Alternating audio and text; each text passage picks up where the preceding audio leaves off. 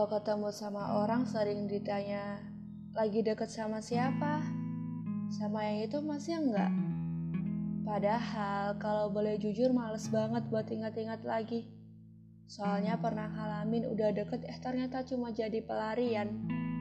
Sudah diperhatiin sama dia, ada apa-apa ditemenin buat cari jalan keluar tapi di akhir malah dia sendiri yang bilang enggak bisa sama-sama. Kemarin ada yang tanya, pernah nggak kamu menganggap seseorang menjadi tujuan akhir, tapi dia menganggap kamunya hanya stasiun singgah? Bahkan kejadiannya belum lama ini. Dia adalah orang yang benar-benar mengerti saya tanpa pernah bertanya.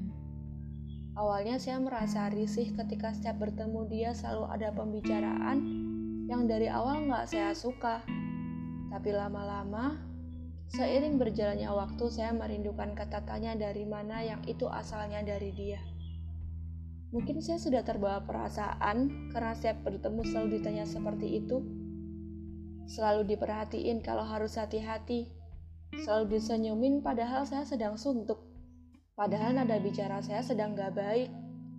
Berbulan-bulan saya selalu menerima kebaikan dari dia.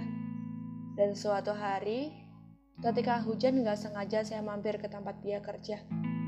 Keadaannya sedang sepi dan waktu itu saya sedang berdua dengan teman saya. Dia datang menghampiri. Hujan-hujan kok keluar rumah? Saya hanya tersenyum menanggapi. Padahal dalam hati perasaannya sedang enggak keruan. Mungkin detik itu saya suka sama dia. Aneh ya? Padahal selama berbulan-bulan kita hanya bertemu di tempat dia kerja. Hanya berbincang pun tak lebih dari 15 menit. Dia pernah tanya sosial media saya tapi nggak pernah follow. Dan kita benar-benar bicara di tempat dia kerja. Tapi saya bisa suka ke dia. Um, lebih enak disebut suka atau nyaman ya? Ah, nggak tau lah. Pokoknya saya senang kalau bertemu dan berbincang sama dia. Tapi setelah itu dia seperti menghilang. Saya nggak pernah bertemu di tempat kerjanya lagi. Padahal selalu menyempatkan diri untuk datang. Mungkin sekitar satu atau dua bulan saya sering mampir, tapi tetap nggak ketemu. Sampai akhirnya saya menyerah dan mulai berpikir kalau dia mungkin bukan tujuan akhir yang dibuat semesta.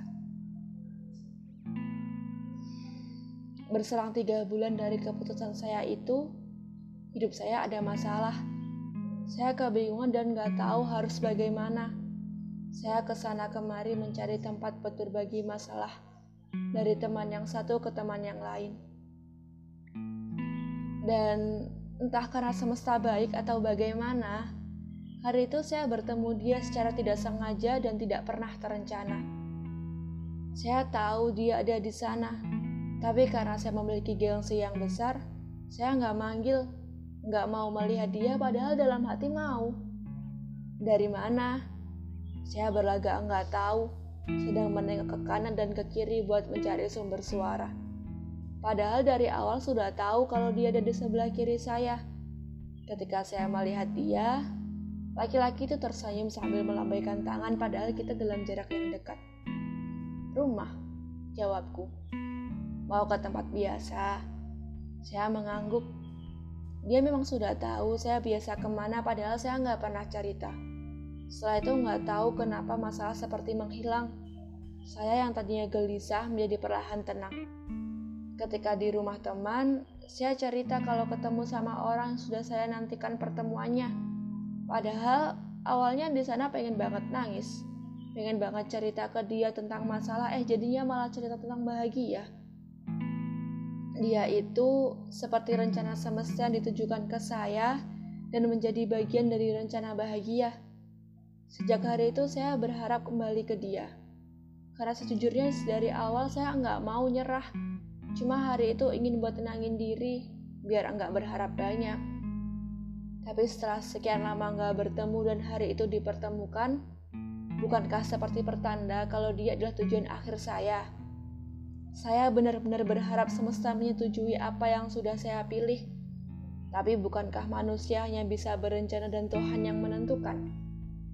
Saya tahu satu hal malam itu Tepat dua hari setelah ketemu dia.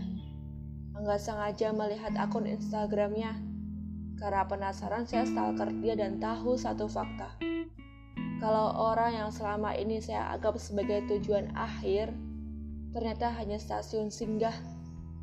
Jadi perhatiannya selama ini apa? Kalau ternyata dia sudah punya seseorang yang seharusnya menerima perhatiannya.